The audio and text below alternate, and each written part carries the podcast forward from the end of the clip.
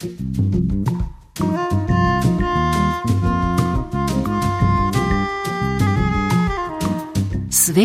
kulture.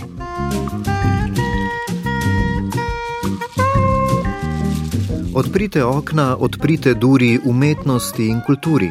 Po večjem delu Slovenije in v Trstu poteka osmi Couch Festival.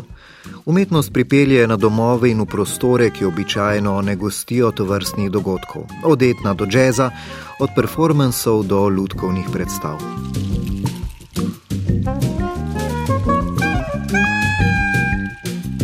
Spomeniki so navadno obeležja preteklosti, a očitno ne nujno. Dogajanje čez skoraj 3 milijarde let je bolj geološka kot pa antropološka dilema, a vendar obstaja umetnik z idejo, kako bi za čas, ko bo na Zemlji temperatura 147 stopinj Celzija in naj bi izumrlo poslednje življenje, pustil sled še več spomenik. Ta koncept nas čaka v Ljubljanski galeriji Osmoza. In še v Benetke gremo na razstavo o karikaturi v Italiji. Najprej pa na kavč.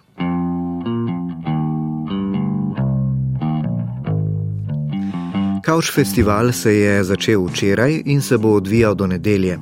Skupaj bo zauzel 150 nekonvencionalnih prizorišč v večjih mestih in tudi na podeželju.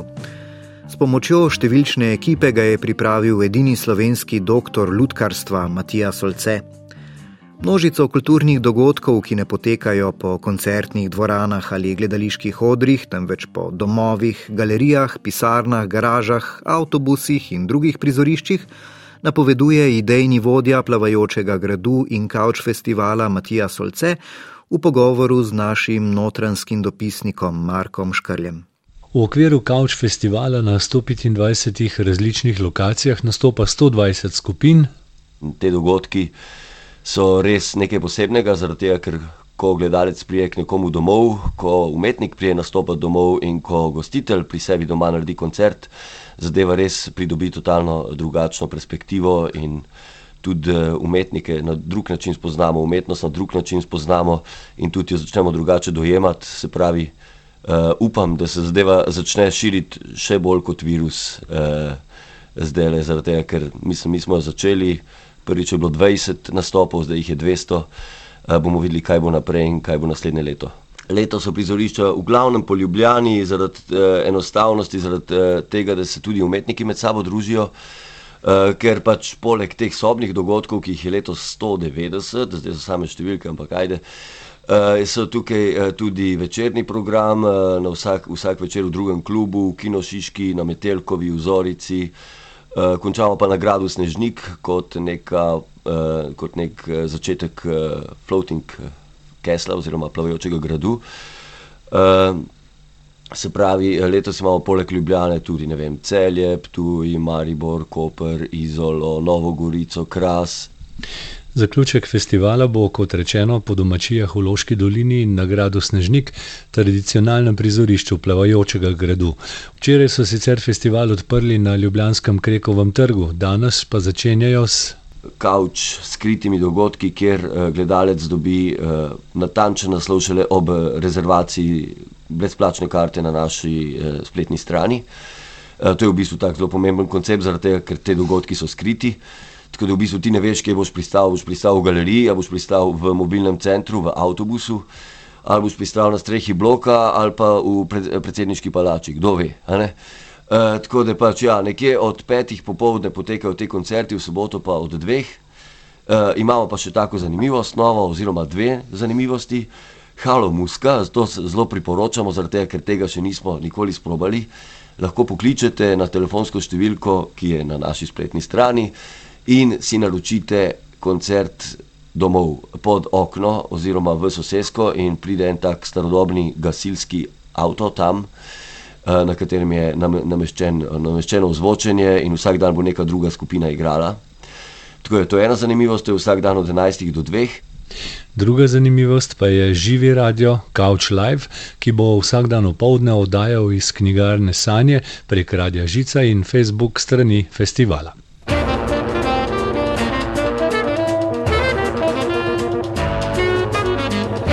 Ste že kdaj razmišljali o času čez 2,8 milijarde let? Verjetno ne. Gre za tako imenovani globoki čas, ki označuje časovno razsežnost geoloških dogodkov. Človeška življenja so v primerjavi z geološkim časom zgolj zanemarljiv trenutek, zato si takšna časovna obdobja le stežka predstavljamo. Prav za čas v daljni prihodnosti, torej čez 2,8 milijarde let, pa si je Andy Gracie zamislil spomenik, ki bi obeležil trenutek, ko se bo na Zemlji končalo vse življenje. Njegova zasnova je na ogled v Ljubljanski galeriji Osmoza, več pa Iza Pevec. Predstavljajte si Zemljo čez 2,8 milijarde let. Povprečna temperatura bo na površju Zemlje predvidoma dosegla 147 stopinj Celzija, ko se vse življenje konča. Izumrli bodo še zadnji preprosti podzemni mikrobi. Nihče ne bi opazil geste spomenika, ki bi več tisoče milijonov let čakal na ta trenutek. Spomenik, podoben nekakšni štiridelni piramidi, bi ob straneh imel dve krogli, ki bi se tedaj skotalili na tla. Prav ob 147 stopinjah Celzija bi se namreč razgradil polimer, ki bi ti dve krogli povezoval. Tako si je Andy Gracie zamislil spomenik koncu vsega življenja na Zemlji. Se poetičnost tega projekta je v tem, ne, da se zgodi v momentu, ko je povsem nesmiselno, ko nikogar ni. Um, in v bistvu pač s tem ne, v bistvu pervertira to idejo spomenika. Is it a monument? I know that was part of the discussion that was unresolved. That a monument traditionally. Ali je to sploh spomenik? Tudi to je bil del diskusije, saj spomeniki večinoma obeležujejo nek pretekli dogodek in ne dogodek, ki se bo šele zgodil. Poznamo toteme, ki simbolizirajo naše želje glede prihodnosti, ampak to je nekaj drugega. Moj spomenik obeležuje trenutek, ki se bo zgodil. Zemlja ne bo večno primerna za življenje in glede na to, kar vemo danes, se bo to zgodilo čez približno 2,8 milijarde let. Do takrat pa bi ta spomenik pričal koncu različnih življenjskih oblik.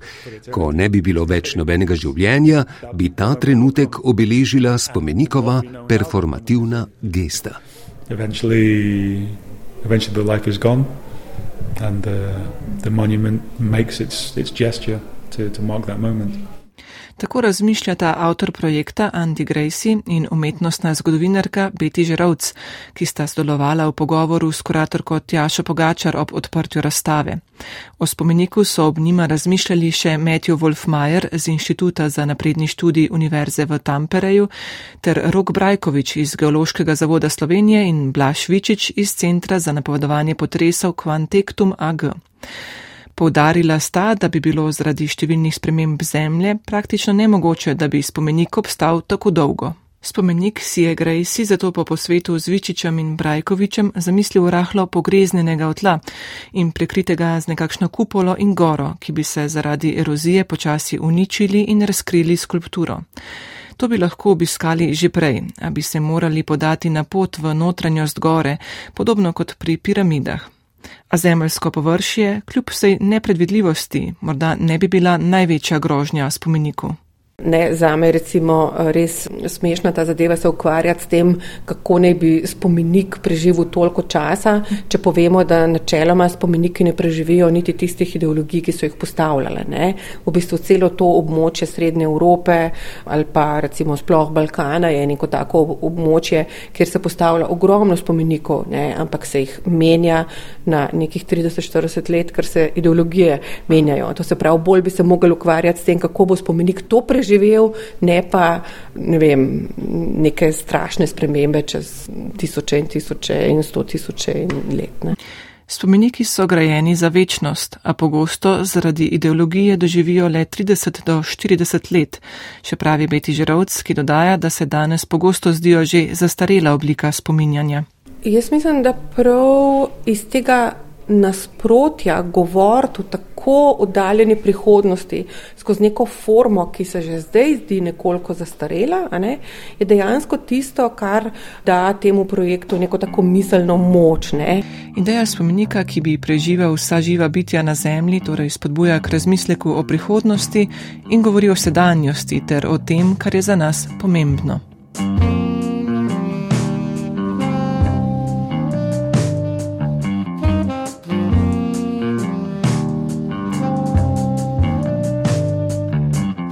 V Benetkah so v soboto odprli veliko razstavo o karikaturi v Italiji. Ogled nudi presenetljiva spoznanja oziroma pregled zgodovine karikature od genialnega Leonarda do jerskega slikarja Francisa Bacona. Razstava je na pobudo fundacije Ligabue v Beneški palači Loredan. Maričuk. Na velikonočno soboto je, kot je velevala tradicija, duhovnik hodil po hišah in blagoslavljal prostore. Znašel se je tudi v sobi znanega slikarja in z blagoslovljeno vodo skropil na vse strani, tudi na njegove slike in jih pokvaril. To je Leonarda iz Vinčija tako razburilo in razjezilo, da je klerika grdo narisal z ukrivljenim nosom, odprtimi usti in komaj vidno brado, zgledal je kot roparska ptica. Leonardov portret na miniaturni podlagi, veliki kot kreditna kartica danes, predstavlja po mnenju uglednega umetnostnega zgodovinarja Pietra Maranja prvo sodobno umetniško karikaturo, kateri so sledile še druge. Seveda, gre za prvo karikaturo v Italiji, kajti najstarejše so nastale že v 14. stoletju pred našim štetjem in jih hrani drugi največji muzej egipčanske kulture na svetu v Turinu. Gre za satirično-erotični papirus, neke vrste kamasutre z obilico podob in spolnih prijemov. Predhodnice Leonardovih karikatur lahko vidimo še v domu s Aurea v Rimu, v Pompejih in Avignonu, potem je tu še cela vrsta srednjeveških satiričnih podobic. Po Maranjevem mnenju je sposobnost upodobiti človeka, ga osmešiti s hipnimi potezami svinčnika, vse prej kot nižja umetnostna zvrst. O tem se lahko prepričamo na razstavi v Benetkah z naslovom Devizi mostruozi e karikature da Leonardo da Vinci a Bacon. O pošastnih obrazih in karikaturah od Leonarda iz Vinčija do Bacona. Izjemna razstava je na pobudo fundacije Ligabue na ogled v palači Loredan. Eksponati so izjemne vrednosti in pomena. V prvi vrsti gre opozoriti na 18 Leonardovih portretov karikatur znamenito groteskno glavo ženske na čelu. Presenečen in presenetljivih odkriti ne manjka, kot na primer duhovite slike Antonija Marije Zanettija ali pa karikature znamenitega Tjepola, vse do irskega slikarja Bacona. Z njegovimi deli hočejo prireditelji Beneške razstave dokazati, da sega tradicija karikature tudi v sodobni čas, v 20. stoletje, kjer deformirano karikirani obrazi srhljivo podarjajo eksistencialno krizo in psihološko krhkost našega časa.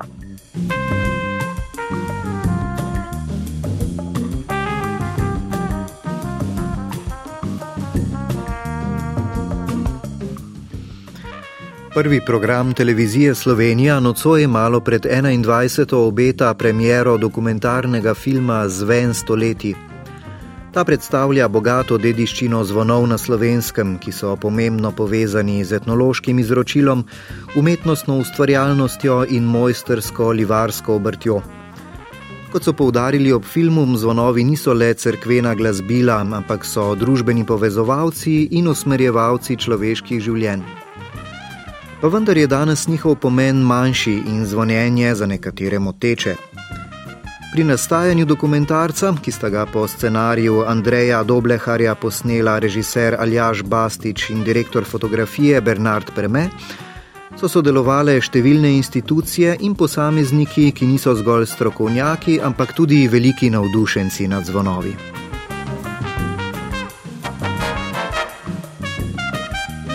Spoštovane in cenjeni, to je bil svet kulture, uredil in vodil sem ga Žiga Bratoš, zvok je oblikoval Vojko Kokot.